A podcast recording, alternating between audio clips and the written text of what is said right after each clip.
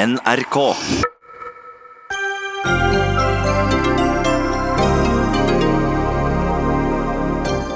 Hvis staten ikke blar opp eh, flere penger, forblir ferjeprisene dyre. Det er hilsenen fra landets fylker i nord og i vest, som samler seg til kamp om flere statlige kroner. Regjeringa skjerper klimamålene fram mot 2030. Hvordan de skal nå dem, har de ikke sagt. Arbeiderpartiet mener rovviltforliket ikke har senket konfliktnivået og vil gjøre det lettere å skyte ulv. Det gir i hvert fall ikke lavere konflikt i forholdet til Venstre. Og studenter vil la menn stemme ved 8. mars-komiteens parolemøter. 8. mars er en kvinnedag, ikke en likestillingsdag, protesterer SU-politiker.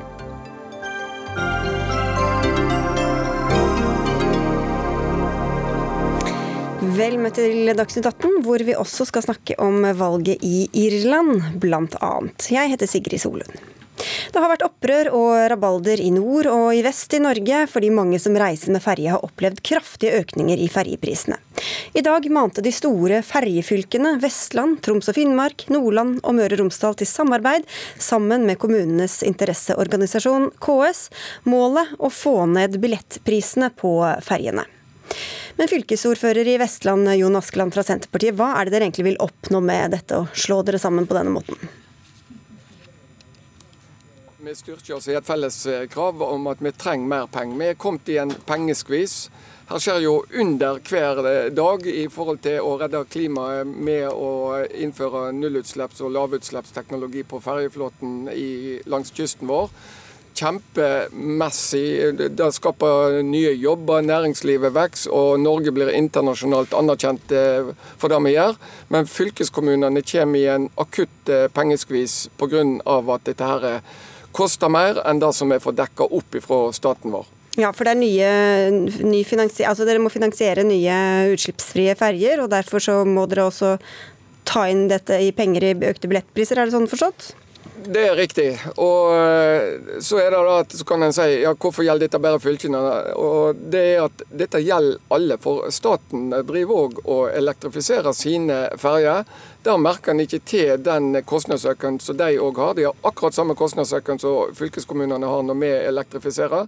Men eh, på eh, riksveiferjene da blir dette her i stillhet kompensert gjennom statens budsjett. Fylkene vi får våre inntekter refundert ifra staten, kan en enkelt uh, si. Og det holder ikke tritt med det teknologiskiftet som er. De uh, inntektene som vi får her, de baserer seg på de lavere driftskostnadene som var med den gamle teknologien. Der ligger utfordringen. Samferdselsminister Knut Arild Hareide, du var her tidligere i uka og sa at du ville gå i dialog. Siden det har det bare hardnet til. Hva, hva sier det om den dialogen dere forsøker dere på fra regjeringshold?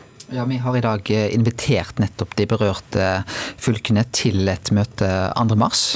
Eh, så vi ønsker å gå i dialog om denne saken, men det er nok et sammensett bilde ut fra de kostnadsøkningene vi ser i dag. Selvfølgelig så er òg eh, nettopp det å få utslippsfrie ferjer, det har en investeringskostnad. Så det er bra når du har tatt den investeringen, så blir jo de billigere i drift framover. Så det er òg sånn at fylkene har òg levert et bedre tilbud. Det er jo jeg glad for. Men så er det òg sånn at det er en fergeflåte som ville trengt en fornyelse uansett. Og så har vi òg innført autopassregime i en del fylker, og det er noen fylker som skal innføre dette. Så det er flere grunner for den kostnadsøkningen. Regjeringa er bekymra for den kostnadsøkningen vi ser. Fordi at dette er jo øysamfunn som ikke har et valg. De har ferja som sitt eneste alternativ. Og det å oppleve for en familie som f.eks. jeg møtte da på, på tirsdag, å ha kostnader på i underkant av 40 000 eh, i ferjekostnader i 2019, og så få opp mot 60 65 000 i 2020. Det er en veldig stor øke eh, på ett år, og det preger jo veldig familieøkonomien. Så vi er villige til å gå i dialog, se hva vi kan få gjort, men, men det er et sammensett bilde. Og Foreløpig kommer det ingenting på bordet, da, sånn som jeg hører deg? Nei, Jeg er jo heller ikke kjent med hvor store økninger er det egentlig. Dette er jo fylkene som bestemmer prisen. Eh, når vi inviterer til en dialog, så er det bl.a. òg for å få eh, informasjon om hvor store stor auken har vært i fylkene. Men vi har òg sagt at vi er villige til å se på de tallene. Vi har jo gitt penger til fylkene. I 2018 så fikk de 100 millioner. Vi vet at Enova har gitt store støtte til bl.a. Eh, Askelands eh, fylke. Men jeg må jo gi honnør da til Vestland og Hordaland, som òg har investert i klimavennlige uh, ferjer. Det er jo veldig, veldig bra. Ja, Vi kan komme litt tilbake til det, men det er altså to årsaker som blir trukket fram her. Autopass-systemet og disse investeringene i klimavennlige ferjer. Gerd Kjellflot, du er politisk kommentator i Bergens Tidende, og du skriver at, du, at fylkespolitikerne så dette ferjeopprøret komme, men at de ikke stanset det. Og Hva er det du legger i det, eller hva tenker du på da? Det er at uh, Det som du sier, det er disse to uh, viktige endringene som har skjedd her. Uh, og begge to har fylkespolitikerne valgt å innføre. Selv om de visste at særlig dette med autopass da ville gjøre det ekstra dyrt for, for bilistene å reise med ferja. Forklar hva det går ut på, dette systemet. Altså, det er Veldig kort forklart så betyr det at det er bare bilistene, det er bilene, som betaler for, eh, for å ta ferja nå. Passasjerer reiser gratis. Det har gjort at prisene har gått, eh, gått, kraftig opp for de som er alene i bilen. Mm. Så da, eh, Askeland, hvorfor har dere innført dette systemet, når dere visste at det kom til å gi sånne utslag? Ja, Det er egentlig samme grunnen. Altså Statens vegvesen de innførte autopassferje, og det var to grunner, eh, grunn, grunngjevinger for det. Det ene var at kostnadene skulle gå ned hvis den eh, gjorde, eh, gjorde billettinnkrevingen enklere. Det andre var at det skulle bli enklere for de reisende med samme betalingsmåte, uansett om en reiser med ei fylkesveiferje eller ei riksveiferje. Det siste har skjedd. Det blir enklere. Men det første har altså ikke skjedd. Kostnadene har ikke gått ned, prisen har ikke gått ned. Og da kommer vi i en skvis. Mm, høres ut som en veldig dårlig deal da, Hareide? Ja, men jeg tror nok at autopassregelverket det tror jeg er en forenkling, noe veldig positivt. Reiser du med ferja, så slipper du eh, Det skjer en automatisk betaling. Jeg tror det er et godt system, men eh, når jeg traff Møre og Romsdal fylke, så sa de vi kan jo se òg på regelverket knytta til autopass og få en større fleksibilitet. Og det er en av de tingene som jeg har bedt eh, Statens vegvesen se på, og som jeg tenker òg når jeg møter Askeland at vi bør diskutere og se på. Så er det helt rett som Kjellflot sier. Det er òg noen som er kommet billigere ut her. Er du passasjer nå på en del av eh, ferjene, så reiser du altså gratis. Men da for Møre og Romsdal så er det da 100 millioner som forsvinner pga. passasjerinntektene forsvinner. Og de ble jo da lempa over på bl.a. pendlere, på næringsliv, som gjør at auken blir desto større for deg. For de gratispassasjerene de hører vi jo ikke så mye fra, da. Men Gunn Marit Helgesen, du er altså styreleder i KS, som er kommunesektorens organisasjon og utviklingspartner. Og som tidligere nevnt her, så har dere altså slått dere med i denne ferjeklubben, som noen har kalt det. Hva er det dere vil oppnå med det? Ja, da har vi vært i den ferjeklubben hele tiden. For vi har jo i konsultasjon med regjeringen påvist at eh, ekstrakostnadene for ferjefylkene er eh, stor, og at eh, det man får dekket via inntektssystemet ikke dekker den kostnaden man faktisk har. Vi har tidligere dokumentert at merkostnadene ved å gå over til fossilfrie ferger, eller elferger, koster fem ganger mer enn hva regjeringen har hevda, altså 500 millioner kroner, og man har fått kompensert 100 millioner. Mm. Poenget her er jo, og det kan vi dokumentere. Poenget her er jo at uh, fylkene faktisk har gjort det regjeringen ber dem om, nemlig å investere tungt i ny, moderne flåte som er uh, utslippsfri. Det koster, i hvert fall i den første investeringsfasen, som gjør at uh, den ekstrakostnaden den nytter ikke for fylkeskommunen å dekke alene, eller hive over på, på brukerne eller bilistene. Men, eller ja. passasjerene. Vi snakker, så... veldig mye, unnskyld at jeg blir, men vi snakker veldig mye med dette grønne skiftet, eh, og alle skal da bidra, enten det er kommuner eller fylker eller bedrifter eller eh, privatpersoner. Skal da staten gå inn og betale hver gang noen skal gjøre grønne investeringer? Nei, men det er jo faktisk sånn at Hvis Norge skal klare å innfri sine klimaforpliktelser, så er de helt avhengig av å ha kommuner og fylkeskommuner med på laget. Poenget er at fylkeskommunene jo, eh, får jo 100 eh, bestemt overføringene fra staten for å dekke opp skoler, kulturtilbud, barnevern, eh, veier, kollektiv osv. Hvis ikke det da er bakt inn i ramma at man må gjøre store ekstrainvesteringer i en startfase for å få ny teknologi, bedre ferjer, så vil man komme med denne pukkelkostnaden i en startfase. Og det er riktig som Hareide sier, litt lenger ut i løpet så vil det sikkert bli billigere. Men akkurat den første fasen, når man investerer tungt, vil være så belastende at fylkene har ikke de ressursene alene. og Det er derfor det er så viktig å få statsråden og regjeringen på banen for å diskutere hvordan løser vi dette. Ja, hvor blir det av det insentivet til å investere grønt når det lønner seg så lite økonomisk, Hareide? Ja, nå er det jo sånn at eh, Fylkene faktisk har gått føre på en veldig god måte. De har gjort reelle, gode investeringer. De, angrer jo på det nå, da hører vi. Ja, men vi har sagt vi ønsker nettopp å invitere til en dialog. Vi har eh, satt av eh, nå 2. mars, der vi ønsker å invitere de berørte fylkene for å diskutere dette. Og se òg på de beregningene som ligger der. Men det er jo et sammensett bilde av den kostnadsøken vi ser. Men regjeringa er bekymra for den prisøken vi ser, nettopp for befolkningen som bor i Distrikts-Norge. Det skapes veldige verdier i Distrikts-Norge. Men når prisøkningen blir så stor, så er det krevende. Og fordi for veldig mange så er ferja det eneste alternativet. Og Derfor har vi sagt at vi skal se på løsninger, men det er ikke sånn at den eneste løsninga er at staten skal ta regninga alene. Hadde fylkene noe valg i realiteten, Kjell Flått? Um, det kan en si at de har vært utsatt for, eh, for ganske uh, sterk oppfordring, i hvert fall, fra statlig hold. Um, men avgjørelsen er, har de allikevel tatt, da. De kunne jo f.eks. valgt å beholde passasjerbetaling, kunne en sett for seg. Mm. Ja, Askeland, hvorfor har dere ikke gjort det? Det er igjen at når staten inviterer til dans her, som en har gjort med det nye autopassystemet, så fordrer det faktisk at alle er med. Og vi valgte å, å, være med og gjøre dette her både billigere og enklere for de reisende. Det er blitt enklere, men det er altså hittil ikke blitt billigere. Men jeg hører jo Hareide han kan dette, han kjenner problematikken. Og igjen så er det å komme i dialog om å løse en midlertidig situasjon. For det, det er veldig mye bra med dette her, men vi kommer altså i en økonomisk skvis i en overgangsperiode nå. Om fem år så er vi i en helt annen situasjon. Da ser vi tilbake og sier vi at dette var riktig å gjøre. Nå har jo du sittet ikke så lenge i denne posten, eh, Hareide, men det virker som om en del fylker føler seg litt lurt. da. Kan du forstå det? Vi har sagt vi skal se på de beregningene vi har. Så det er viktig å vite at når du da gjør denne type investeringer, så er det lønnsomt for framtida. Andalote de har fått utslippsfri ferje. De sier altså nå at driftskostnaden når da ferja går fra Anda til Lote, så er den mindre enn én kaffekopp og ei svele på den turen. Fordi nettopp utslippsfrie ferjer er så lønnsomme når du først har gjort investeringene. Så dette er òg ei framtidsinvestering. Så skal vi se på, på de beregningene som er gjort. Men så er det også sånn at fylkene er jo ansvarlig for flåten. Og jeg ønsker at fylkene skal ha dette ansvaret. Det er fylkene i dag som bestemmer prisen. Det mener jeg er et klokt og riktig regime. Og òg den fornyelsen som var nødvendig for ferjeflåten, det er jo fylkene sitt ansvar.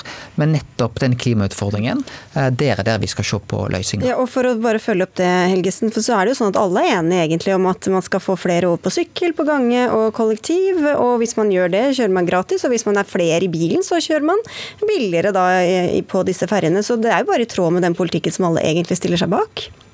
Ja, og Det er jo derfor også fylkene har vært så offensive og tøffe og gjort tøffe investeringer. Det vi prøver å hevde er jo at i den første fasen, fra man går over fra dieselferjer eller disse fer dagens ferjer over til utslippsfrie ferjer, så er det en stor pukkelkostnad. og Det er jo den vi må diskutere. Så er det en del andre elementer som også Herøy er innom, som er en annen diskusjon. Men det vi snakker om nå er at du kanskje må ha nye kaianlegg, du må kanskje ha noen nye bygg, strømtilførsel. Så det er en del ekstrakostnader i den første fasen som vi må diskutere med staten. Hvor hvordan vi skal løse, slik at de økte miljøkravene fra regjeringa som kom nå forleden, eller i dag, eh, også er mulig å gjennomføre på en så god måte som er gjort frem til nå.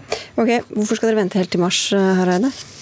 Eh, vi skal ha møte 2. mars. Det er faktisk eh, de fire berørte statsrådenes første mulighet til å få det møtet, så vi gjør dette så, så, fort som mulig. Men vi er jo i gang med å jobbe med dette. Eh, Linda Helleland og jeg var og traff Møre og Romsdal fylke. De har gitt oss innspill. De innspillene er vi eh, i gang med å, å se på, bl.a.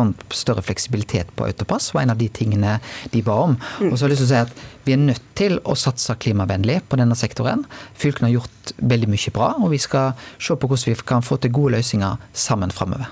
Da ga du et godt stikkord til neste gjest her. Takk skal dere ha alle fire. Jon Askeland, fylkesordfører i Vestland, Gunn Marit Helgesen, styreleder i KS, Knut Arild Hareide, som er samferdselsminister, og til Gerd Kjellflot, som er politisk kommentator i Bergens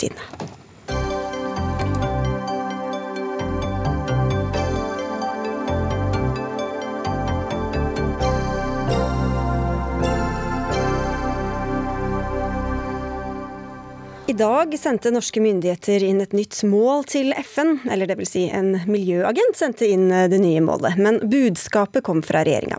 Innen 2030 skal de norske utslippene være minst 50% lavere enn det de var i 1990.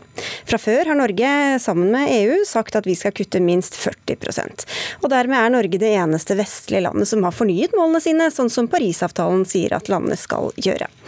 Men klima- og miljøminister Sveinung Rotevatn, vil du si at det er målsetninger det har skortet på i norsk klimapolitikk de siste 10-15 årene? Nei, for så vidt ikke. Det har skorta på tiltak. Eh, nå går heldigvis klimagassutslippene ned, har gjort det i tre år på rad, fordi tiltakene nå blir satt inn, men vi må gjøre enda mer framover. Derfor har vi skjerpa målet. Eh, Og i og for seg ikke bare derfor, det er også fordi at med de målene som er meldt inn til FN så langt, så er verden på vei mot tre grader oppvarming. Det vil ha helt uakseptable konsekvenser for mennesker og for natur. Derfor har det vært en tydelig beskjed fra FN. Nå vil vi at landene skal forsterke sine mål, øke ambisjonene. Fristen for det den er på søndag. Derfor har Norge meldt inn i dag at vi kommer til å forsterke vårt mål. Men vi har altså ikke nådd ett eneste mål som vi har satt oss som nasjon. Hvorfor skal vi tro at vi, skulle, at vi skal klare å nå det denne gangen? Jeg vil si at Det er tre grunner til det. Den første er at det er heldigvis et mye sterkere klimaengasjement nå enn det har vært på lenge, både i de politiske partiene og i samfunnet for øvrig. Det er bare å se på de voldsomme skolestreikene og engasjementet som har vært. Det er bra. Den andre grunnen er at utslippene nå faktisk går ned pga. politikk, eh, og det viser at det funker, men vi må gjøre enda mer. Og Den tredje grunnen er at vi integrerer oss tett i EUs klimapolitikk, og vi vil også oppfylle det nye målet sammen med EU. Men i EUs klimapolitikk så er ikke klimamål frivillige, der må du nå dem. Vi kommer til å få et klimabudsjett fra neste år til 2030 med masse vi har lov å slippe ut. Og Det må vi ganske enkelt nå, eh, og det skal vi gjøre. Dette kom ganske overraskende på mange, at dere gjorde dette nå. Ville det skjedd hvis Fremskrittspartiet fortsatt satt i regjering?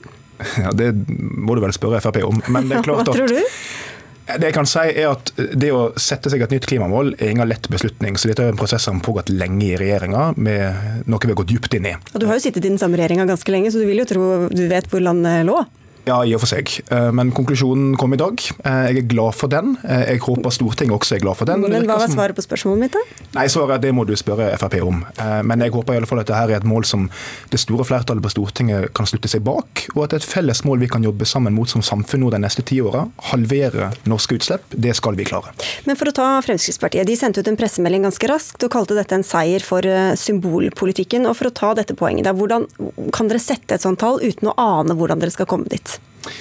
Jo, vi vet mye om hvordan vi skal komme dit. For eksempel, forrige uke så mottok jeg en svær rapport som heter Klimakur 2030, der Miljødirektoratet har fått i oppdrag å nettopp utrede og vise hvordan vi kan kutte 50 Sånne klimakur har kommet tidligere, hvor, som ikke er blitt fulgt opp med handling fra de samme forslagene? Jo, men vi har aldri hatt en så bra regjering som vi har nå, så oh, nei, nå skal vi faktisk følge opp. Eh, og vi er i ferd med å gjøre det allerede. ikke sant? Vi øker CO2-avgiften med 5 hvert år, som allerede, sammen med at kvoteprisen øker, har fått konkrete resultat resultat. F.eks. like etter nyttår så annonserte Equinor at de skal kutte sine utslipp dramatisk mot 2030. og Den beslutninga alene vil kutte norske utslipp med 10 mm. og Det viser at det er fullt mulig å komme opp mot 50 med alt det som nå skjer innenfor elferje, biler, CO2-avgift, omlegging av næringslivet vårt til nye, grønne, bærekraftige jobber. Men når du nevner Equinor, er, er Norge avhengig av at Equinor elektrifiserer hele sokkelen for å nå dette målet?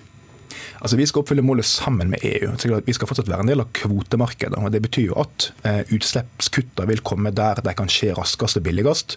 Nå ser vi at det faktisk skjer i Norge, fordi Equinor f.eks. annonserer at de har tenkt å gjøre det. Det lønner seg for dem. Men det er klart at vi er jo avhengig av at så mange selskap og industribedrifter som mulig tar den typen grønne valg nå framover. Og jeg tror at det er det kloke av dem. Fordi at Hvis vi nå tror at vi skal nå Paris-målene, så er det jo de som satser grønt som kommer til å vinne konkurransen i framtida. Det at vi nå begynner å bli verdensledende på f.eks. elektriske ferjer er en stor styrke for norsk næringsliv, det er ikke en ulempe. Men du nevnte kvotemarkedet. så Betyr det da altså utslippene Norge nå har ansvar for, de skal kuttes mellom, til mellom 20 og 25 millioner tonn i, i CO2 i 2030. De lå på 52 millioner. Det er ganske mange store kutt vi altså står framfor. Hvor mye av dette skal da skje innenlands? Det regjeringa har sagt eh, i vår regjeringsplattform i hvert fall frem til nå, er jo at vi skal ta eh, 45% i ikke-kvotepliktig sektor, som det heter, med nasjonale tiltak. Så er jo kvotepliktig sektor, som det heter, det er jo petroleumssektoren, industri, luftfart, en del av et felles europeisk kvotemarked. Det at vi nå går fra 40% til 50% forpliktelse, forandrer ikke det faktum at vi skal oppfylle målene våre sammen med EU. Men det er jo også en stor fordel, som jeg forklarte i stad, for det gjør at målene faktisk er forpliktende og bindende, at du må nå dem.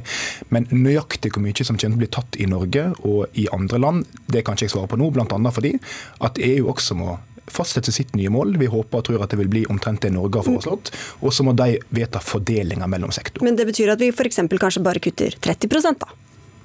Nei, Det er vanskelig å si her og nå. Altså, Vår ambisjon er jo å ta kutta i ikke-kvotepliktig sektor nasjonalt. Det har vi sagt i regjeringsplattformen vår, og det er derfor vi bestilte Klimakur. Og det er det klimaplanen vi skal legge fram for Stortinget i løpet av året kommer til å adressere. Det viktige er jo at regjeringa her mener at det er et rom for at vi ikke bare kan kutte utslippene våre så mye som vi bør gjøre ut fra et globalt perspektiv, men at vi også kan tjene på det, at det kan være bra for norske bedrifter. Og vi opplever jo også at næringslivet ber oss om å få tøffe klimamål, fordi de ønsker å konkurrere i eh, et scenario framover der vi faktisk når klimamålene våre. Og det bør jo være et mål, all den tid vi nå ser at området i Australia på størrelse med Troms og Finnmark brenner ned. Altså Vi har en rekordvarm januar. Klimaendringene er så alvorlige at FN nå ber innstendig om at alle land må styrke sin klimapolitikk. I dag sa Norge, som første vestlige land, at det skal vi gjøre. Og håpet er at flest mulig kommer etter. Og Likevel så sa finansminister Jan Tore Sanner, som var med på framlegginga, at eh, vi skal etterlate kloden i samme eller bedre stand som det vi tok den over fra. Men selv med en, dersom man klarer å begrense oppvarminga til halvannen til to grader, så kan man vel ikke si at det er den samme eller bedre stand? som den var. Vi får det, sånn, det er bra at vi har en finansminister som er radikal i klimapolitikken. Eh, jeg tror i hvert fall vi skal nøye oss med å si at klarer vi å nå 1,5 grads oppvarming, eller rett og slett begrense det til det, så har vi nådd et viktig felles mål for verden. Og da vil vi ha sørge for at det er mulig å etterlate jorda til våre etterkommere eh, i god stand, og der vi kunne klare å leve like gode liv som vi lever. Målet er satt, så får vi se hva virkemidlene blir. Takk skal du ha, Sveinung Rotevatn, for at du tok turen.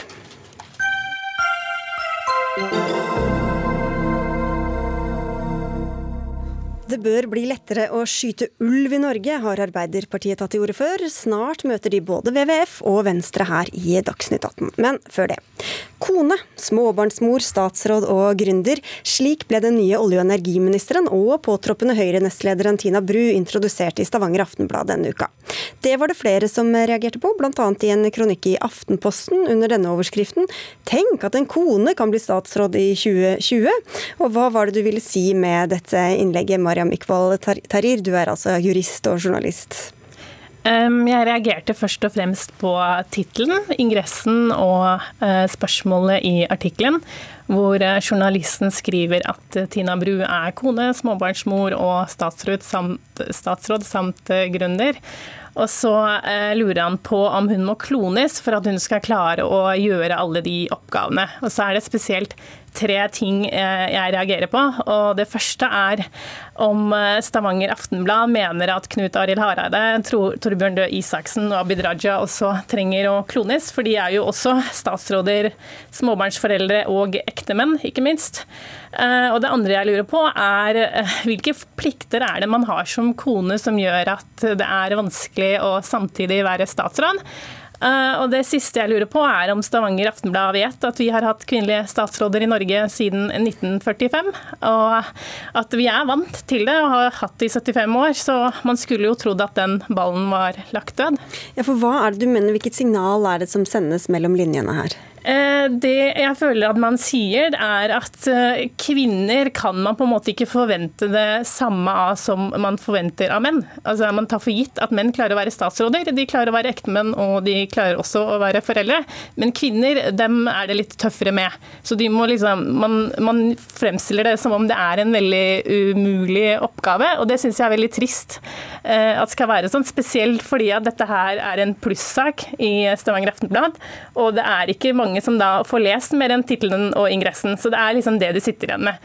Ok, Da går vi til deg, Lars Helle. Du er sjefredaktør i Stavanger Aftenblad. Bare for å ta det ene poenget her. Dette med å være kone, er det noe man må sette av mye tid til som statsråd, tror du? eller? Eh, nei, det tror jeg får bli opp til hver kone og for så vidt hver mann som er gift, hvor mye tid de skal bruke, bruke der. Men la meg si med en gang at jeg ser at den tittelen kan skape forvirring. og Hvis noen virkelig vil tolke den uh, dårlig, så kan det jo se ut som at vi problematiserer at folk er kone og statsråd. Det, dette er en tittel som burde unngått. og det skjedde i farten i forbindelse med framleggelsen av, av, av, innstillingen fra valgkomiteen i Høyre. Så det, det skulle bare latt være å gjøre.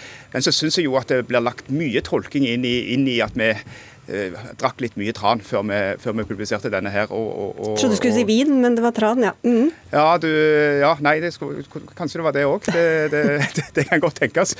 Men, men, vi har jo ikke problematisert at Tina Bru er statsråd. Tvert imot så har vi uh, Dette er jo en kontekst som uh, Jeg forstår jo at Tahir ikke leser mye Stavanger Aftenblad, men vi skriver jo mye om Tina Bru. Vi har skrevet om hennes liv som småbarnsmor, om hennes liv som gründer og at du alltid har hatt et travelt liv. Og, og, og, og, skrev opp det, og det var tema for akkurat den, den, saken, som er en av mange vi har skrevet med henne etter hun ble utnevnt til, til olje- og energiminister. Mm. Det var ingen slags moraliserende uh, greie rundt det.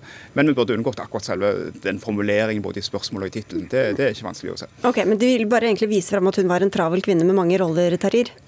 Jeg vil jo bare først si at jeg eh, jobber eh, selv i oljebransjen, så jeg leser veldig mye Stavanger Aftenblad, og vet at de skriver det, det, det driver, veldig mye, sånn, de driver veldig mye god journalistikk. Og så er det jo sånn at det er flere som har reagert på det, jeg er ikke den eneste.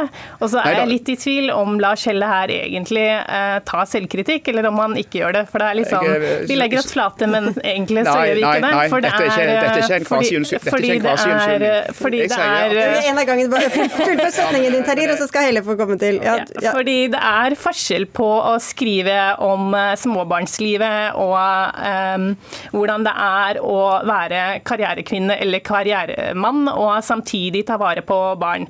Det syns jeg er viktig, og det skriver jeg også i kronikken min. Så det er snarere tvert imot virker det seg kanskje som om Lars Helle ikke har lest det jeg skriver. Um, så jeg tror det er viktig å bare være obs på når man skriver skriver om kvinner, eh, og vinkler det veldig mye på at de er eh, koner og mødre, at det er uheldig. Spesielt når dette er i en oljebransje som også er mannsdominert. Og så kommer det kvinner inn i den bransjen, og det mm. første man skal på en måte legge merke til ved dem, da, det er at de er koner og mødre. Og dette er jo en kritikk som man har hørt i mange, mange, mange år, Helle. Og det er en betimelig hvis uh, dere hadde hørt nøye etter, så sa jeg at den tittelen skulle vi ikke hatt. Det, det, det legger vi oss, kan godt legge meg helt langflat på den. Så, så, det er greit. Men det er det alvoret som blir lagt i, i dette, her, og tolkning av hvor Stavanger Aftenblad står, og hva vi forstår av samfunnet, uh, når det blir, blir hevdet at uh, at vi ikke har forstått at det har vært stats, kvinnelige statsråder i Norge i 75 år osv. Og, og vi har heller ingen behov for å klone verken Tina Bru eller Knut Arild Hareide. Så, så, alt dette her uh, vet vi. Og vi vet òg at uh, heldigvis oljebransjen nå eh, har mange dyktige kvinnelige ledere på mange nivåer, senest med en statsråd. Men òg mange av de største selskapene, Petroleumstilsynet, Oljedirektoratet, alle disse er ledere av kvinner. Så det syns vi er helt topp. Og jeg er òg enig, enig med Tahir i at at uh, vi skal passe på begrepsbruken og hvordan vi tiltaler kvinner og menn på denne måten. Så til og med der tror jeg vi, vi er enige. Men, men det der vi kanskje er uenige, det, det, all den tolkningen hun legger i den saken, mm. og, og hvor Stavanger Aftenblad står, det syns jeg er litt unødvendig. Ja, At du blåser det litt opp ja, og, det, og, det, eh, og selvfølgelig ble det reaksjoner av det. Det forstår jeg. og Det fortjente egentlig Stavanger Aftenblad òg. Når vi lager en sånn tittel, så, så, fortjener vi å få sånn, sånn. Noen tok det litt humoristisk, og noen tok alt på ramme gravalvor. Og der kanskje vi bør legge oss litt, litt i midten der. Okay. Jeg, jeg, skulle gjerne ønske at det var jeg som overdrev og overtolket, uh, men det stemmer ikke. Dere bruker selv ord som kloning. Bør man klone deg for at du skal klare å gjøre alt dette? Så det er ord man selv uh, bruker, så ja. det må man nesten bare si at der var det en glipp, og det burde vi ikke ha gjort. Okay. Bare... Det, du, får, nei, nei, du, får, legge deg flat én gang til der, Lars Helle, så er vi ferdig med nei, det. det. Nå, nå, har jeg sagt, sagt det så, så, som jeg trenger. Det var altså et spørsmål, det er ikke noe Stavanger Aftenblad konstaterer eller moraliserer over. Det er okay. ganske stor forskjell. Dere, vi sier takk. Vi har mer kvinnesak på programmet. Takk skal dere ha begge to.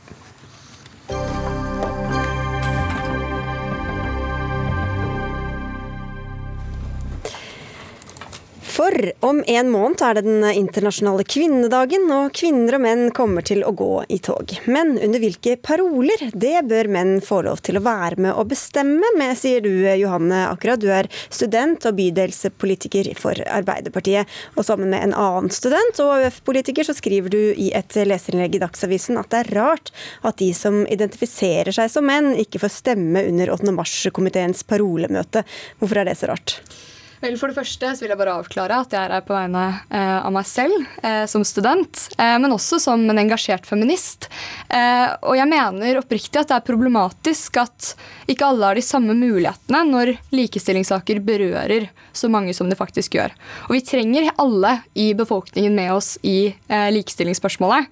Og dersom flere ble inkludert i parolemøtet til 8. mars-komiteen, så ville også 8. mars sin legitimitet blitt styrket. Ikke minst fordi oppslutningen rundt det hadde vært bredere. Mm. Og det er først og fremst eh, derfor det er nødvendig med bred oppslutning eh, for å få eh, gjennom likestillingspolitikk. Og dermed inkludere menn da, til å få være med å bestemme. Det er disse plakatene og andre sånne paroler man går med på 8. mars. Eh, Maria eh, Bonita Igland, du er feministisk leder i Sosialistisk Ungdom, og du svarer i et annet innlegg i Dagsavisen men hvorfor skal ikke menn få være med å bestemme når de vil vise solidaritet på kvinnedagen? Altså, jeg må jo bare si at Vi er jo selvfølgelig for at menn skal vise solidaritet. og Om noe så ønsker vi jo at menn skal kunne delta i saker som handler om kvinner. Men så vil jeg bare minne på at 8. mars er ikke likestillingsdagen. 8. mars er kvinnedagen. Eh, vi kjemper for kvinners rettigheter og for at kvinner skal få mer makt i verden. og Det er fordi at det er vi som må kjenne på de reelle konsekvensene av kvinnediskriminering. Og da er det viktig at kvinner får lov til å definere vår frigjøringskamp eh, på egen hånd. Mm kvinnedagen, ikke likestillingsdagen? Ja, da vil jeg trekke fram eh, kjernen i det jeg mener er uenigheten vår. Eh, for premisset ditt sier at når noe er eh, kvinnedag, så er det ikke en likestillingsdag. Eh, jeg mener det blir feil å, å hevde at eh, kvinnedagen og eh, at noe om likestilling er motstridende. Tvert imot så går de hånd i hånd. og ikke desto mindre så er det jo slik at ingen er uenig om at 8. Eh, mars er kvinnedagen. Men jeg er uenig med deg om at 8. Eh, mars ikke er en likestillingsdag, som du skriver i din artikkel. Altså jeg må jo bare si at Det er jo ikke motstridende å drive med kvinnekamp og det å drive med likestilling. for jeg tenker jo at Vi er jo feminister fordi vi bl.a. ønsker likestilling. Men så mener jeg vi reduserer den debatten da, om vi kun skal snakke om at likestilling er noe som gagner alle. fordi at vi vet i dag at kvinner har gjennomgående mindre makt enn eh, menn. Og det vi ser i alle frigjøringskamper, egentlig er at det er viktig at den utsatte gruppen får lov til å definere sin egen frigjøringskamp. For kvinner har aldri fått lov eh, til det før. Ja, og da syns jeg det er veldig synd eh, at det begrenses til å, å, gjelde kvinner når det er flere enn kvinner som også har lyst til å være med i den kampen. Mm. Eh, jeg syns det er synd at det er menn som kvier seg for å kalle seg feminister. Eh, når de likestillingssakene som trekkes fram 8. mars, også berører dem, og berører eh, kvinner. Men jeg er veldig enig med deg om at 8. Eh, mars er kvinnedagen, og at kvinnesaker er utrolig viktig. Jeg er en veldig stolt feminist selv. Men at det ikke skal reduseres til å bare handle om kvinner, men om likestilling og samfunnet. Du snakker om utsatt gruppe, Igland. og Det er jo én dag, skriver du, hvor kvinner kan få bestemme. Men vi bor jo i et land med en kvinnelig statsminister og stortingspresident og utenriksminister og det ene med det andre. Er det, er det en god beskrivelse, vil du si, at det er én dag i året at kvinner kan bestemme i Norge?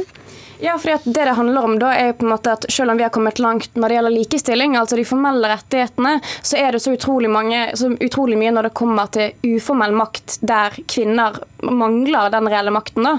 Eh, men egentlig også når det kommer til formell makt. Hvis du ser på Stortinget i dag, så er det vel 40,8 40, eh, eh, som er kvinner. I Bergen ble det erklært kvinnerevolusjon når under halvparten av kvinnene var representert. Så det handler liksom om den uformelle makten menn fremdeles har, som kvinner ikke har. Men, men hvor, altså, hvor mange Akerø menn er det som egentlig ønsker å være med i disse parolemøtene? Hvor stort problem er dette egentlig? Jo, Grunnen til at dette ble trukket fram, for det er jo en debatt som ofte, som ofte mm. går, Eh, og grunnen til at eh, jeg og, og Lier valgte å ta eh, denne debatten Altså din medkronikør? Min medkronikør. Er fordi vi mener at vi, vi, nå er i 2020. Det er utdatert å avholde forsamlinger der man ekskluderer på grunnlag av kjønn. Eh, det er hovedpoenget vårt. Eh, det eneste lignende eksempel jeg kan tenke meg til som er sammenlignbart eh, med det 8. mars-komiteen har gjort, det er slike herreklubber som Det Norske Selskap, som også var med i debatten for, litt siden. Og jeg tviler sterkt på at 8. mars-komiteen har lyst til å havne i samme kategori som disse. Mm -hmm.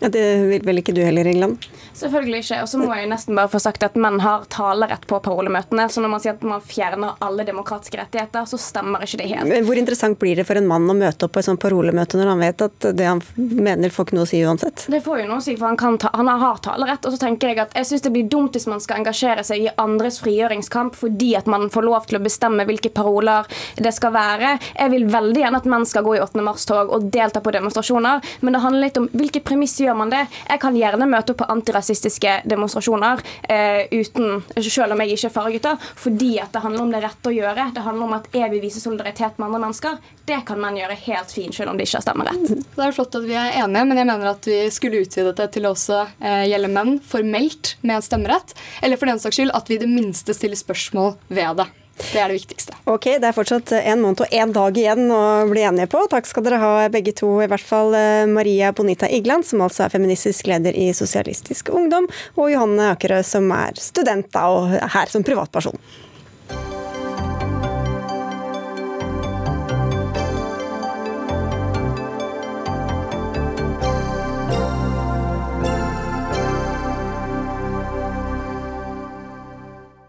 I morgen er det valg til ny nasjonalforsamling i Irland, og i kveld, en, noen bare timer før, er det altså det politiske landskapet i landet nokså uklart og i villrede. Den sittende statsministeren Leo Varadkar og hans parti Fine Gael har den siste perioden styrt i en sentrumskoalisjon med partiet Finna Foul og Koalisjonen ble lenge ansett å sitte trygt. Men den siste måneden har partiet Sinn Fein, som vil forene Nord-Irland og Irland, stormet fram på målingene. Og hvor overraskende er egentlig dette, Øyvind Nyborg, korrespondent for NRK? Eh, det er ganske eh, overraskende at det, er, det, står igjen nå med tre store partier, men eh, vi skal huske på det at Sinn Fein de har gjort det veldig godt i valgkamper tidligere, men når det kommer til stykket og folk skal kaste lappen ned i stemmeurnene, så har de ombestemt seg. Men hvorfor er dette en, en litt sånn oppsiktsvekkende utvikling i, i irsk politikk? Eh, det er to hovedforklaringer. Det ene er jo, som du har vært inne på, at Sinn Fein de skårer eh, mye på irsk nasjonalisme. Og brexit spiller jo inn i dette. Irland er jo et EU-land, mens Nord-Irland er Storbritannia, og formelt nå ute av EU eh, bare for en uke siden så er det sånn at de, de fleste i Nord-Irland stemte for å bli værende i EU.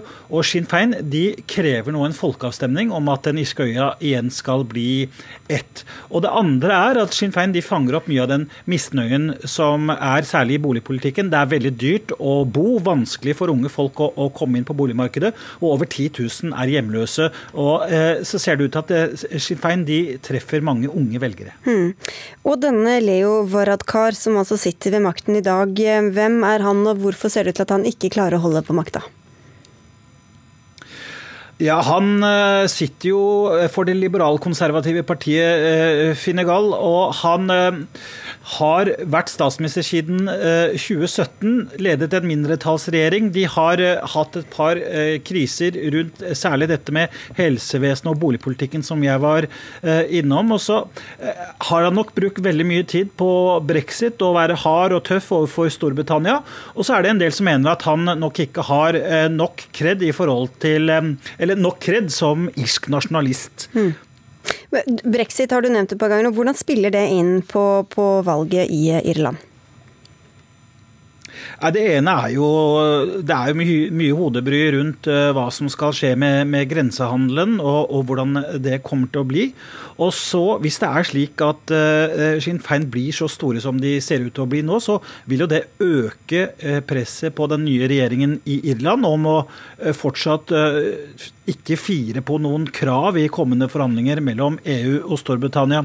Og så er det jo selvfølgelig eh, at de ønsker å, å, være en torn i siden, og kanskje også forene krefter med, med, skottene, som jo også på sin side ønsker å, å komme ut av eh, eh unionen fordi Eller holde en folkeavstemning om, om, det. Og det er jo fordi at eh, i Nord-Irland og Skottland så stemte jo 60 eh, 60 for å bli værende i EU. Mm. Men dette med å forene Nord-Irland og Irland, er det, er det aktuelt, eller? Det er alltid et aktuelt spørsmål i irsk politikk. Eh, men om eh, det kommer til å skje, det er nok helt i det blå, tror jeg.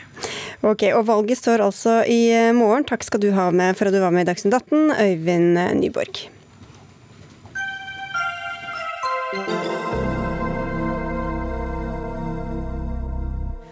Da Stortingets miljø- og energikomité, eller motsatt heter det vel egentlig, skulle ta stilling til et Senterpartiforslag om å skyte en 10-12 ulv i går, tok saken en uventa vending. Arbeiderpartiet benyttet nemlig anledningen til å ta til orde for å endre naturmangfoldloven og senke terskelen for å skyte ulv. Og Espen Barth Eide, du er da miljøpolitisk talsperson for Arbeiderpartiet. Hva ligger i dette egentlig? Jo, fordi Det vi ser nå er at dette, det har vært en slags motstrid mellom det både rovviltforliket fra 2011 og den presiseringen om ulvepolitikk som kom i 2016 på den ene siden, som sier at det skal være et tydelig bestandsmål, og den praksisen som har vært ført i mange år. Og Det har skapt et veldig høyt konfliktnivå. Hele poenget med disse forlikene var å ta konfliktnivået ned. Vi skal huske på at dette er spørsmål med sterke følelser i begge retninger. Vi skal på den ene side ha rovdyr i Norge. det er vi enige om alle sammen. Det er veldig viktig at vi har bærekraftige rovviltstammer. Samtidig så skal vi ha eh, beitedyr, eh, også i utmark, og vi skal ha en del allmenne interesser. Og I den konflikten så blir det veldig mye spenninger. Vi har lyst til å bringe disse tingene sammen, slik at det blir klart og tydelig for folk hva reglene egentlig er. Og, at, og vi håper at større tydelighet gjennom en presisering av Stortingets eh, intensjon vil redusere konfliktnivået. Både for de som er opptatt av dette ute land og strand rundt, og folk som altså opplever å bo tett på, på ulvesonen, og for de som er opptatt av å ha en bærekraftig rovviltforvaltning, mener vi at dette er riktig. Men Betyr det da, dette bestandsmålet som du snakker om, at det skal da ses på som et maksimummål? Det skal i hvert fall være slik at bestandsmålet har eh, en selvstendig betydning. Altså Når bestandsmålet er nådd, eh, så skal terskelen for å ta ut overskytende ulv utover det, de fire til seks eh, ulvefamiliene som ligger der, skal være veldig mye lavere. Og, og, og Sånn sett så skal det gis en, en, en, viktigere rolle også i loven. Fordi det vi har hatt nå, er et veldig rotete system som har skapt en konflikt ikke bare i år, men egentlig hvert år. Og Det fører til at mange mennesker ute i landet opplever opplever at eh, myndighetene ikke gjør det myndighetene sier. Det bør vi som politikere her i Oslo være litt opptatt av. For det er ikke sunt, det er ikke heldig. Eh, for å, eh, det bidrar til politikerforakt og manglende forståelse for myndighetene. Derfor vil vi klargjøre dette. Og jeg har lyst til å understreke at Arbeiderpartiet står solid forankret i rovviltforliket. Vi har ikke endret det en tøddel. Vi vil bare at det faktisk skal virke, og at det skal praktiseres slik Stortingets flertall har ment. Else Hendel, fungerende miljøpolitisk leder i WWF Verdens naturfond. Hvilke konsekvenser mener dere at dette kan få? Ja, det vi ser nå, det er jo at eh, naturens rettssikkerhet i mange land er under press. Vi ser det i Brasil, vi ser det i USA.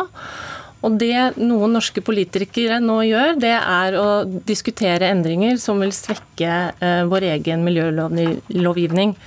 Naturmangfoldloven den Intensjonen og det den loven skal gjøre, er jo å sikre norsk natur og norske arter.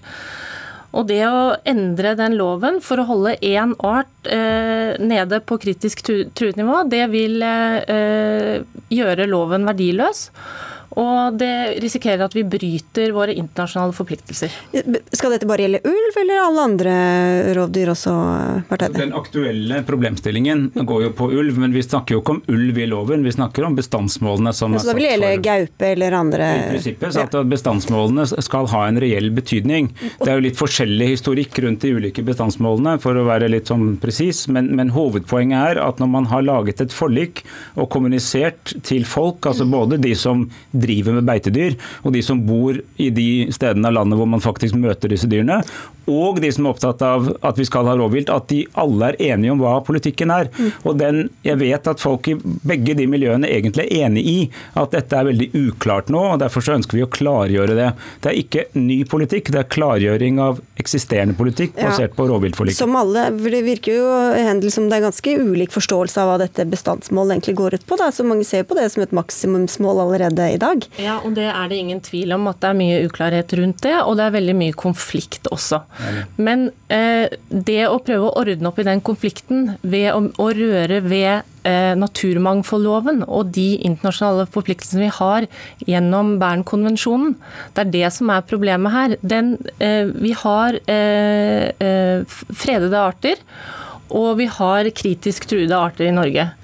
Og de er beskyttet gjennom disse lovene, og det, de kan skytes eller tas ut på visse vilkår. Og det Arbeiderpartiet nå eh, ser ut til å foreslå, er at man kan sette en strek over de vilkårene og den loven, så lenge det bestandsmålet da er nådd. Men, men da har jeg en fin anledning til å avklare at det er helt uaktuelt for oss på noe tidspunkt å gå mot Bern-konvensjonen eh, og mot eh, andre internasjonale Som sier at vi har et spesielt ansvar for f.eks. Vi har det samme ansvaret for rovvilt som andre land har, og det skal vi respektere. Men dette er jo fanget opp i bestandsmålet. Altså Bestandsmålet er jo ikke, er jo ikke noe man har funnet på tilfeldigvis.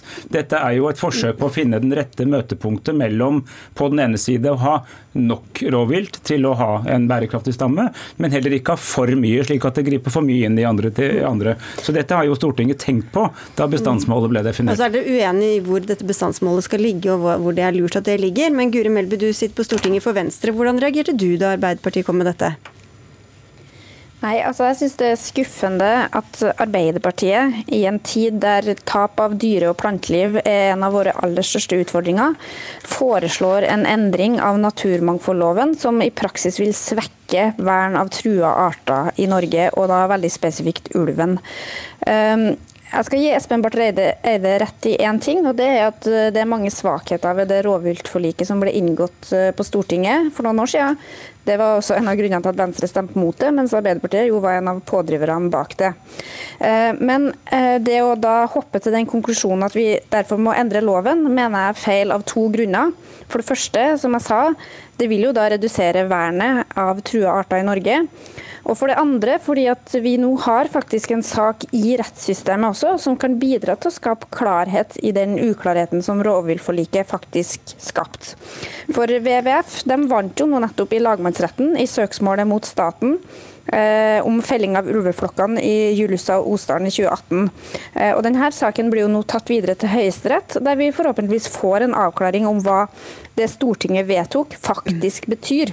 Men jeg er jo litt opptatt av at vi da eh, er litt skuffa over at et parti som jeg oppfatter som et ansvarlig styringsparti, eh, nå har såpass hastverk av grunner som det er umulig å skjønne, annet enn at de kanskje er redd for å miste velgere til Senterpartiet, vil tvinge gjennom en endring av naturmangfoldsloven som potensielt kan være svart altså, alvorlig, som kan skade både eh, eh, natur i Norge, men også bidra til å svekke Norges posisjon internasjonalt. Bare for Mens du sier Senterpartiet, så må jeg også nevne at de er sinte på dere av helt andre årsaker, Espen Barth Eide. For de mener at dere bare utsetter denne saken i stedet for å stemme for deres forslag i går, så, og venter til hele jaktsesongen er, ja, men det er, jo ikke over. Riktig altså, faktisk så satt jo jeg og mine kolleger fra Arbeiderpartiet og stemte sammen med Senterpartiet mot den utsettelsen. Så det er jo resten av partiene som stemte for utsettelse, ikke vi. Okay. Så det er jo rett og slett ikke riktig. Vi, vi sto sammen med Senterpartiet på det.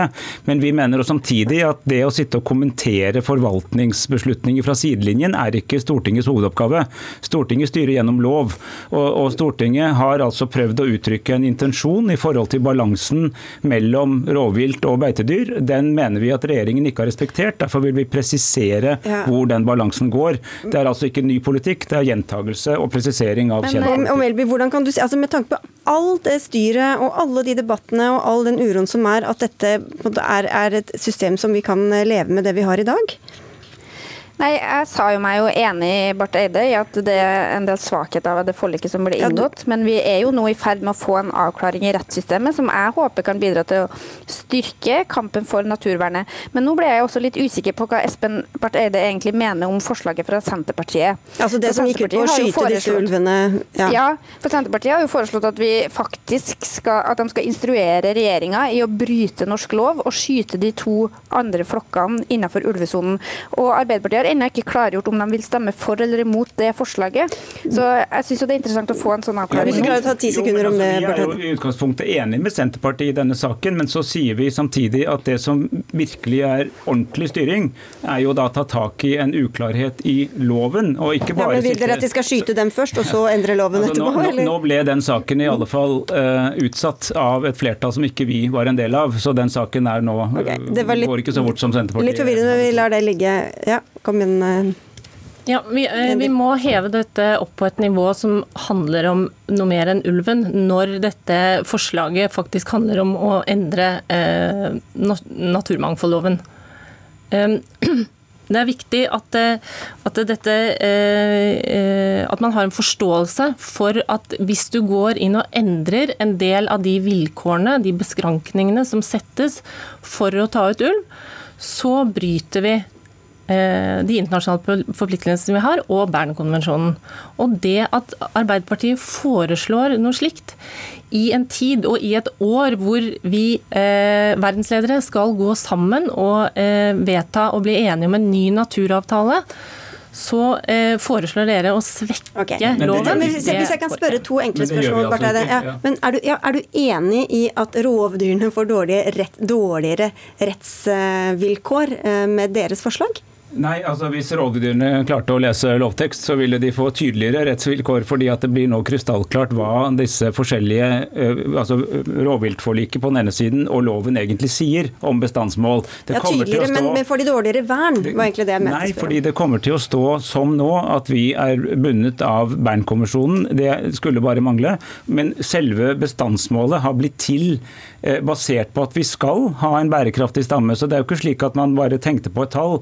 Man har funnet ut i eh, mange partier imellom hva er det riktige antall nye ynglinger for ulike typer eh, Ja. rovvilt. Det vi vil, er at det faktisk skal praktiseres, for det sitter folk land og strand rundt og lurer på hvorfor gjør ikke myndighetene det myndighetene sier. Dette skaper et veldig stort konfliktnivå, og, Og det er ikke bra for en bærekraftig rovviltforvaltning men da, heller. da lurer jeg på det siste spørsmålet. Da. Tror du at hvis deres forslag går igjennom, eh, at det blir flere eller færre ulv i Norge?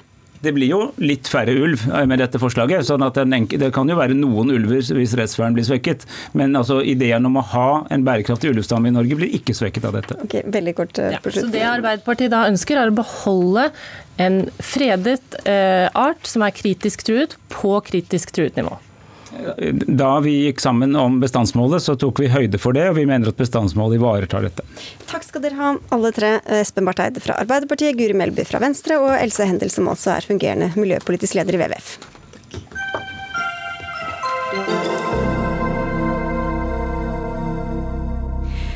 I Bergen vil jenter gå i demonstrasjonstog for nye ishockeyregler.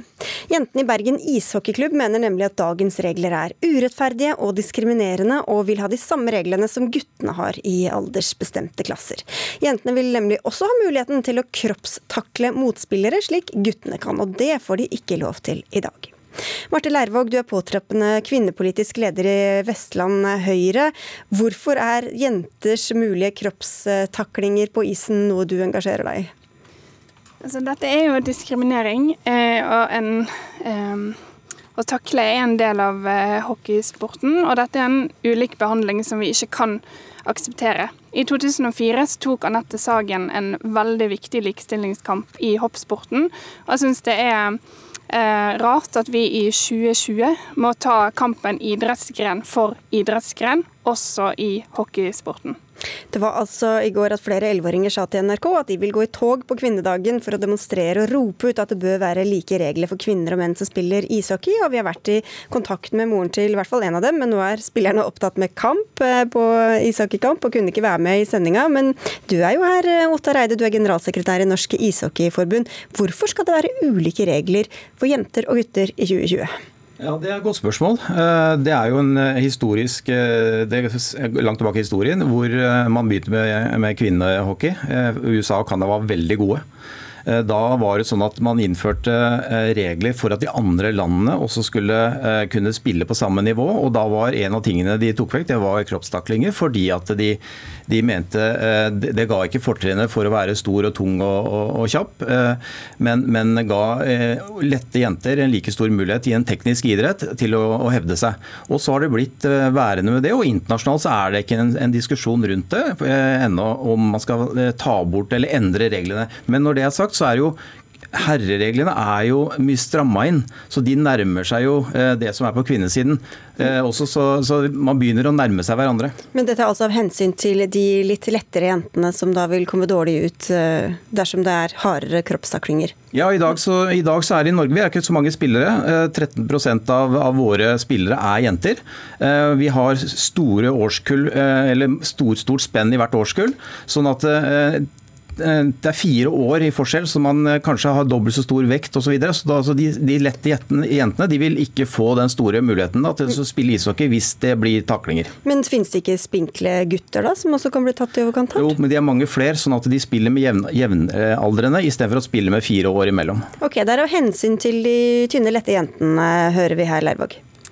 Altså, Det å skylde på historien er jo ikke et godt argument for å ikke ta tak i det som åpenbart er eh, feilslått Eh, holdning fra Ishockeyforbundet. De har muligheten til å gjøre en endring nå. Dette her har vært en sak som har vært løfta tidligere også. I 2017 var det også flere eh, klubber som tok til orde for at en måtte endre på reglene. Eh, og Jentene sier sjøl at det her er en del av hockeysporten, og det er en, en, en forskjellsbehandling som jeg mener at Ishockeyforbundet ikke kan akseptere. Og jeg lever veldig godt med at Norge går føre eh, som et godt eksempel for andre land, sånn at man kan få en endring internasjonalt også. Ja, vi har tatt opp dette her internasjonalt med, med, våre kolleger i Skandinavia. Dette er ikke tema internasjonalt. Eh, vi har tatt opp i, i kvinnekomiteen i Internasjonale ishockeyforbundet, som består eh, av kvinner. De er heller ikke opptatt av dette. Hos oss er vi opptatt av å få jenter til å spille ishockey. Men norske jenter er jo tydeligvis opptatt av det, da? Ja, det er, det er noen eh, ti-tolvåringer i Norge. Det var for, for 2017 så var det ti-tolvåringer. Det er ikke seniorjenter som egentlig tar opp problemstillingen. Det er de yngste som ennå ikke har lov til å takle, uansett om det er gutter eller jenter. Ja, fordi det er fra tolv år at de har lov til det? Ja, det er de som tar det opp. Eh, og det er, det, er, det er, flott at de gjør det, og vi skal sette fokus på det. Men for oss her er altså Vi har tre, tre ting. Det er rekruttere, det er å utvikle og det er beholde. Dette er ikke et rekrutteringstiltak. Eh, rekrutteringstiltak går på å få like rettigheter til trening, eh, like gode trenere, eh, plass i haller, f.eks. i Bergen hvor, hvor, dette miljøet er. De har jo ekstremt lite istid i Bergen, og jentene blir ikke prioritert. Og jeg vet ikke om du som politiker i Bergen gjør noe for å få rammebetingelsene for jentene bedre, for det er det vi må ha hjelp til. Jeg vet ikke om dette er et helårsengasjement for deg, Leirvåg, for disse ishockeyjentene, eller om det er bare akkurat i dag? Eh, dette her handler jo om å gi like muligheter i idretten for jentene også som for guttene. Og jeg syns ikke at de argumentene som kommer fra Ishockeyforbundet er eh, reelle. Eh, hvis man vil beholde jentene på isen, så må man også gi dem de like mulighetene til å lykkes i idretten. Og Dette gjelder på alle andre arenaer også. Vi kan godt snakke om isflater og bygg og vilkår og treningstider, men dette her handler om det prinsipielle knyttet til likestilling i idretten. Og jeg mener at svarene som Ishockeyforbundet kommer med til NRK, ikke holder vann. Nei, men du kjenner kanskje ikke sporten sånn inngående om dette er et frafallsproblematikk knytta til at jenter ikke får takle eller ikke. Eh, hvis jenter ikke får spille ishockey fordi at det er for få spillere, så er det et større utfordring enn om vi har taklinger eller ikke. Men hvorfor lytter du ikke til dem det gjelder, da? De som skal eh, potensielt få lov å være med å takle eller ikke? Jo, nå snakker vi med landslaget landslagsspillere nå, vi har landslagssamling. Eh, og de er jo de, de, ser jo det at de vil gjerne fått ha litt mer kroppstaklinger inn i sporten, men de er ikke opptatt nødvendigvis å endre reglementet. Eh, fordi at det er ikke et rekrutteringstiltak i seg selv. For oss er det viktigere at vi, vi får helt andre ting som får volum opp da, på jentesiden, enn å gjøre noe som gjør at Eh, en klubb som har ti jenter fra alderen 10 eh, til 14 år som spiller på samme lag, hvis de skal begynne å, noen av de skal takle, så veier kanskje den ene 60 kg, den andre 30 kg.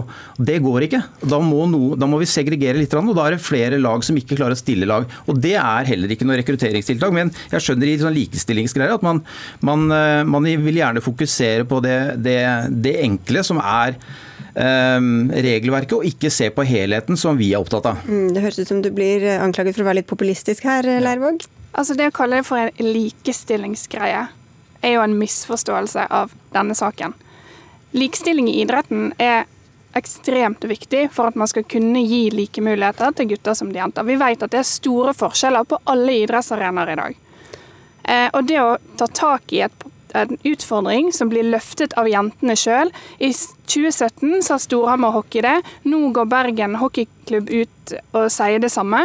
De er støtta av klubben sin. De er også støtta av kapteinen på damelaget sitt. Så jeg vil ikke, si, vil ikke innskrenke dette til et lite problem. Okay. Vi er nødt til å ta det på alvor, og jeg mener at Ishockeyforbundet må komme med bedre svar på det som åpenbart er en utfordring i ishockeysporten. Vi må avslutte. Du nevnte Anette Sagen og Ottar Eide. Dette er en lang kamp for jenters eh, rettigheter Ja, i det idretten. Hvordan tror du de kommer til å se på dette om ti år? Nei, det, eh, det vet jeg ikke, men, men det, vi, det vi er mye mer opptatt av at jenter skal få gode muligheter å spille der de bor.